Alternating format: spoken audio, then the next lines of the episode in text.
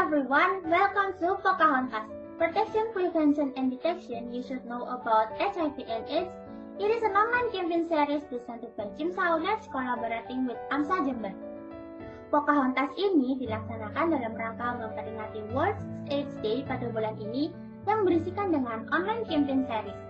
Bukan hanya podcast, nantikan juga webinar kami pada tanggal 12 hingga 13 Desember 2020 nanti ya. Tentunya dalam webinar nanti kita akan banyak mengupas mengenai HIV AIDS lebih dalam lagi. Jadi jangan sampai kelewatan dan stay tune di IG at Jemsaunets atau at Amsa Jember untuk informasi lebih lanjut. Nah, di episode satu ini, aku, Tata, sebagai moderator yang akan menemani pendengar semua selama beberapa menit ke depan. Hari ini kita akan berbincang-bincang mengenai HIV AIDS bersama ahlinya yaitu Dr. Adiana Esti yang datang dari Angsa Merah. Langsung saja kita sapa Dr. Esti. Selamat malam dokter, bagaimana kabarnya dokter? Selamat malam Tata, kabar aku baik. Semoga seluruh pendengar setia di rumah juga dalam keadaan baik. Sebelumnya ada pepatah, tak kenal maka tak sayang. Kepada dokter Esti mungkin bisa memperkenalkan diri terlebih dahulu kepada pendengar setia kita. Ya, halo. Saya Diana Esti, saya dokter di Klinik Angsa Merah, saya dokter umum. Uh, dan dalam beberapa tahun terakhir, uh, memang saya menggeluti khusus untuk HIV dan infeksi menular seksual juga TB. Uh, dari 2016 saya bergabung dengan Klinik Angsa Merah. Gitu. Oke, itu saja. Baik, Dokter Esti. Nah, karena kita udah saling kenal, yuk langsung move on. Kita ke sharing sessionnya. Jadi begini dokter, kan HIV AIDS ini sudah sering terdengar di tengah-tengah masyarakat, tapi mungkin pendengar setia kita ini masih ada yang belum tahu. Jadi apa hmm. itu HIV AIDS dokter? Ya, uh, HIV itu adalah uh, in, uh, virus yang menyebabkan infeksi dari HIV gitu ya. Terus kemudian uh, itu yang khusus menyerang manusia yang menyebabkan penurunan. Jadi uh, HIV itu kan singkatannya dari Human Immunodeficiency uh, Virus. Jadi virus yang menyebabkan penurunan sistem kekebalan tubuh.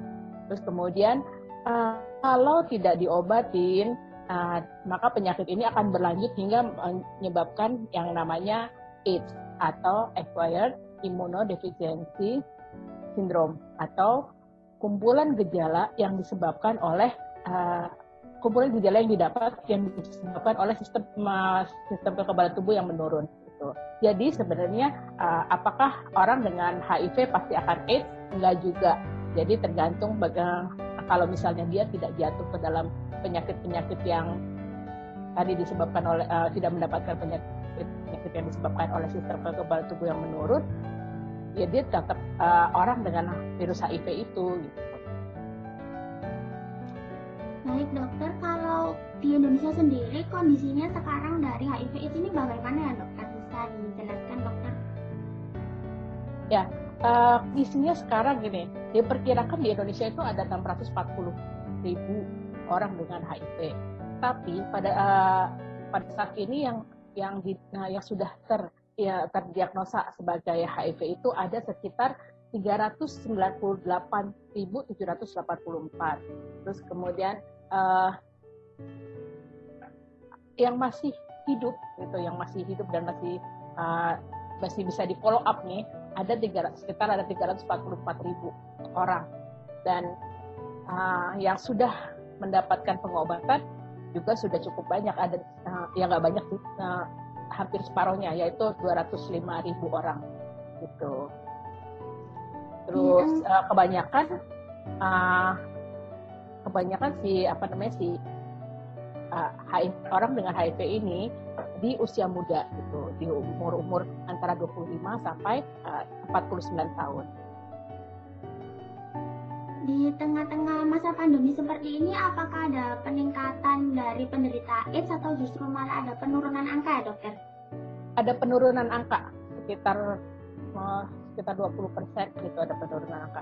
Ada banyak beberapa hal yang mempengaruhi mungkin karena begini kan lagi pandemi takut nih mau ke puskesmas gitu terus kemudian kegiatan-kegiatan mobile VCT juga menurun gitu. Tapi nanti kita akan lihat di, di tahun depan bagaimana mungkin trennya bisa mungkin juga bisa tetap menurun atau memang akan naik. Nah, karena gini, kesadaran orang untuk melakukan screening juga udah uh, tinggi gitu. Terus kemudian orang yang um, tahu statusnya HIV, kemudian melakukan pengobatan juga sudah cukup baik. Gitu. Uh, lalu dokter yang ingin saya tanyakan ini, bagaimana caranya agar kita tahu apakah kita ini terkena HIV/AIDS atau tidak? Itu bagaimana ya dokter? Periksa, udah cuma itu doang. Tes. Uh, untuk tesnya sendiri itu apakah ada ada tes yang khusus dokter sampai ditegakkan diagnosa AIDS ini? Ya, tesnya hanya khusus untuk memeriksa HIV yaitu dengan uh, ada beberapa metode nih, uh, misalnya metodenya diperiksa hanya antibodinya aja gitu, bisa memakai rapid test atau memakai ada tes uh, ELISA yang dikembangkan gitu, terus uh, seperti yang namanya ECLIA atau misal uh, bisa juga uh, memeriksa antibodi uh, antibodi dan antigen. Antigen itu ya itu banyak dari virusnya itu seperti combo test itu sudah memeriksa antara antibodi dengan antigen. Atau antigennya aja misalnya dengan ada pemeriksaan HIV DNA yang namanya AID gitu. Atau bisa juga melakukan pemeriksaan seperti uh, RNA uh, RNA virusnya gitu. Nah dilihat ada berapa sih jumlah virus yang yang masuk di dalam darah kalau misalnya memang dia positif kalau yang saya pernah dengar itu ada yang namanya tes VCT, dokter. Itu ya. kategori yang mana ya, dokter? Nah, bisa menggunakan semuanya gitu. VCT itu adalah uh, tes yang dilakukan secara sukarela. Jadi dia sukarela datang ke layanan atau dia pergi ke satu fasilitas kesehatan, terus kemudian melakukan tes dengan kesadaran bahwa ya aku harus periksa untuk mengetahui status HIV-nya. Nah, selain VCT ada namanya uh, saya kur, uh, taruh, saya lupa nih bahasa bahasa Indonesia-nya, tapi nama di bahasa Inggrisnya adalah uh, PITC gitu. Jadi uh, dari provider inisiatif uh, test and, and counseling gitu. Jadi uh, jadi ini inisiatif dari si penyedia layanan untuk melakukan pemeriksaan. Nah hasilnya uh, akan nah, apa namanya misalnya oh ternyata positif nih dari layanan ini. Tapi uh, dia akan mendiskusikan atau mendiskusikan ke pasiennya, ke orang yang diperiksa dengan uh, tadi PATC itu tadi dari fasilitas kesehatan ya karena melihat ada sesuatu yang mencurigakan nih. Uh, nanti akan didiskusikan nih kamu uh, positif nih, kamu mau nggak dilakukan pengobatan. Nah itu konselingnya belakangan setelah tesnya dilakukan. Oh, gitu. seperti itu. Jadi ada yang memang suka rela, ada yang um, ada yang karena dari providernya atau dari inisiatif dari layanan. Tuh. Oh, jadi VCT ini voluntary counseling ah. test, jadi disingkat VCT atau dalam bahasa Indonesia-nya itu KTHIV ya. atau counseling test HIV. Ya.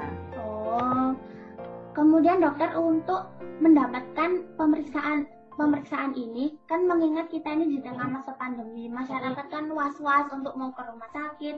Itu bagaimana ya dokter caranya? Ya uh, memang ada beberapa uh, sebenarnya sih uh, apa namanya untuk pemeriksaan kan banyak sebenarnya ada self test self test itu gitu. Jadi self test ini paling nggak untuk melihat mendorong orang untuk berani uh, melakukan tes gitu. Nanti apa pun hasilnya dari self test itu harus dikonfirmasi nih ke layanan gitu. Ini hasilnya sebenarnya gimana? Jadi sebenarnya kalau dari tes tes ya lanjut kalau dari tes-tes ini sudah menyatakan positif, berarti sudah bisa disebut dengan ODA ya dokter, atau orang dengan HIV AIDS. Ya, sekarang uh, orang lebih senang dibilang gini, uh, belum uh, orang dengan HIV kan belum tentu AIDS, makanya sekarang ya disebutnya sebagai orang dengan HIV aja gitu. Atau kalau di bahasa Inggris jadi people living with HIV. Baik dokter. Nah apabila sudah uh, tesnya ini positif, kemudian mengetahui kalau oh ternyata uh, saya ini terkena HIV. Nah itu apakah ada treatment-treatment khusus atau ada pengobatan-pengobatan rutin ya dokter yang harus dipenuhi? Ada. dengan menggunakan ARV. ARV. Uh, kemudian ARV ini apa ya dokter dan cara kerjanya bagaimana? Ya, ARV ini adalah uh, obat yang menekan dari aktivitas virus, menekan uh, virus itu menempel ke uh, sel inangnya atau sel uh, CD4 yang disenangi nama si virus HIV ini dan menghambat untuk uh, menghambat uh, apa namanya replikasi atau berkembang biaknya si virus gitu. Jadi uh, orang dengan HIV kalau diberi minum ARV ini punya uh, virusnya kan bisa ditekan nih jumlahnya, terus kemudian aktivitasnya bisa ditekan. Jadi sistem kekebalan tubuhnya bisa naik. Terus kemudian kalau kekebalan tubuhnya naik, uh, kualitas hidupnya juga jadi bagus.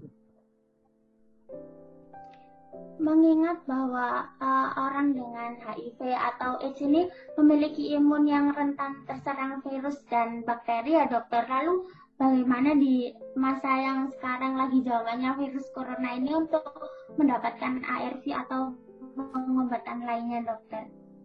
Tergantung. Kalau dia udah pengobatan, uh, sistem pengobatan dia nggak turun, tetap masih bagus.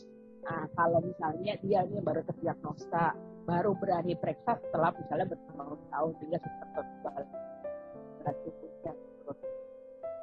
datang aja ke layanan-layanan yang menyediakan ARV. Seperti sekarang tuh pemerintah sudah mempermudah layanan itu bisa sampai ke puskesmas, gitu. Jadi ya, bisa datang ke puskesmas untuk mendapatkan ARV. Nah, uh, memang ada beberapa daerah gitu yang membantu memfasilitasi penyediaan ARV ini. Nah, orangnya nggak perlu datang ke, ke puskesmas atau ke rumah sakit. Gitu. Misalnya kalau di Jakarta ada dek antar gitu, jadi bisa ngomong ke fasilitas kesehatannya saya mau uh, dapetin ARV gitu atau misalnya ada satu provinsi di Kalimantan yang aku pernah tahu uh, ada hari-hari tertentu itu orang-orang dengan uh, HIV ini mereka akan berhenti di satu pos gitu dan di situ ada petugas pendamping yang akan memberikan ARV-nya untuk datang gitu.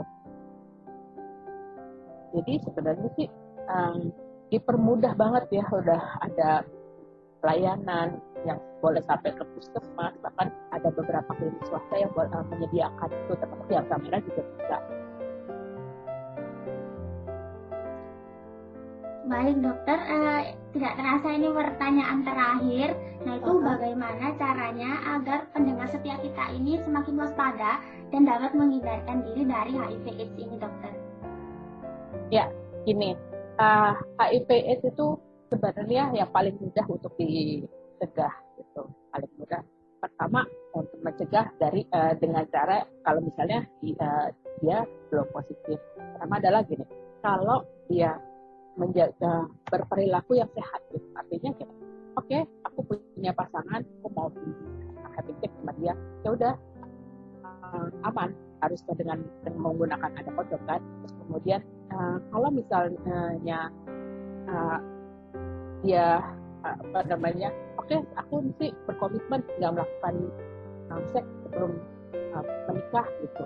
Nah walaupun um, berkomitmen uh, seperti ini tetap pasangan itu harus tetap dia dulu harus periksa. Karena kadang-kadang ada yang gini uh, saking setianya saking percayanya dengan pasangannya terlalu setia banget gitu terus ah dia kan nggak amat dapat siapa gitu. ternyata um, positif itu kan kaget juga ya begitu. Eh udah udah nikah nih udah mau punya anak begitu.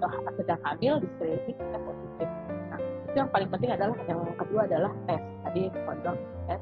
Kemudian um, ya kalau pemikir memang abstinen atau tidak melakukan. Terus kemudian juga kalau um, misalnya aku mau bikin tato nih gitu. Tren sama teman-teman gitu.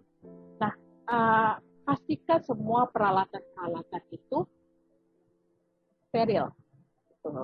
Jadi ngomong sama petugas uh, orang yang akan melakukan tato itu pokoknya kalau jarumnya nggak steril aku nggak mau batal atau misalnya gitu yang perempuan misalnya atau yang laki juga kadang-kadang uh, tindik nih mau pakai anting mau pakai perhiasan-perhiasan yang harus ditindik nah itu juga harus uh, yakinkan bahwa peralatan-peralatan untuk melakukan tindik itu harus steril dan uh, kalau misalnya sakit membutuhkan donor dapatkan darah itu dari PMI itu yang melakukan yang seperti yang di screening gitu jangan jangan atau apa ya, ya terpaksa ya udahlah pokoknya yang ada aja gitu. Nah uh, pakai dari layak ya memang sih sebenarnya aku juga belum tahu apakah di, di luar ada tapi aku pernah dengar memang ada ada yang jual beli darah gitu. Nah ini hati-hati juga. Terus kemudian oh ya uh, ini Hmm, terapi-terapi alternatif yang menggunakan uh, uh, alat-alat yang memungkinkan pertukaran darah gitu. Misalnya kalau mis uh, aku pernah lihat yang aku nggak tahu namanya, tapi uh, itu kalau pas lagi ikut terapi itu tuh itu darahnya banyak banget gitu. Nah itu uh, mesti diperhatikan apakah jarum yang digunakan steril atau tidak. Terus kemudian ada juga tuh yang pakai torek-torek gitu, kemudian uh, sampai berdarah-darah dan uh, aku melihat itu petugasnya enggak sama sekali nggak mensterilkan alat itu cuma dicelupin ke satu mangkok yang berisi air yang penting darahnya hilang kayak jadi kemudian dikasih lagi. Itu itu bisa sangat berbahaya. Jadi gini uh, mungkin kita bisa kita mungkin berpikir gitu uh, ya HIV itu selalu orang-orang uh, identik dengan orang-orang yang nggak benar belum tentu gitu kadang-kadang orang-orang yang kita cap nggak benar itu mereka punya kesadaran untuk periksa punya kesadaran untuk melindungi diri. Gitu. Kenapa uh, dari mereka golongan mereka banyak uh, kelihatannya dalam tanda banyak gitu? Itu karena mereka uh, periksa, jadi gampang kelihatan. Nah sekarang setelah ibu hamil di tanda kutip dipaksa untuk periksa, gitu, ibu uh, jumlah uh, ibu rumah tangga dibanding uh, dari segi profesi ibu rumah tangga dibandingkan dengan pekerja seks perempuan gitu. Ibu rumah tangga ini punya jumlah lebih tinggi dibanding si pekerja seks karena itu tadi perilaku yang aman di rumah maupun di luar. Nah, pendengar setia bisa dicatat ya, ini tadi tips dan penjelasan dari dokter Esti. Jadi semakin terbuka ya pandangan kita mengenai HIV AIDS ini. Kita juga makin tahu bahwa menjadi ODA di tengah-tengah pandemi seperti ini juga bukanlah hal yang mudah. Jadi kalau ada ODA di sekitar kalian harus didukung, dirangkul, dan dibantu ya. Terima kasih kepada Dokter Esti yang telah menyempatkan waktunya untuk sharing-sharing dengan kita mengenai HIV AIDS ini. Semoga para pendengar kita juga makin banyak nih ilmunya. Okay, let's call it a day, but don't worry, it's not the end of our service. You can check our IG at Jemsaunets and at Amsa Jember for more further information. Thank you to all our royal listeners for listening until here. And don't forget to stay tuned on our channel for the next podcast episode. Aku Tata pamit undur diri. See you in another Pocahontas series. Last but not least, be active with Jim Bye bye everyone.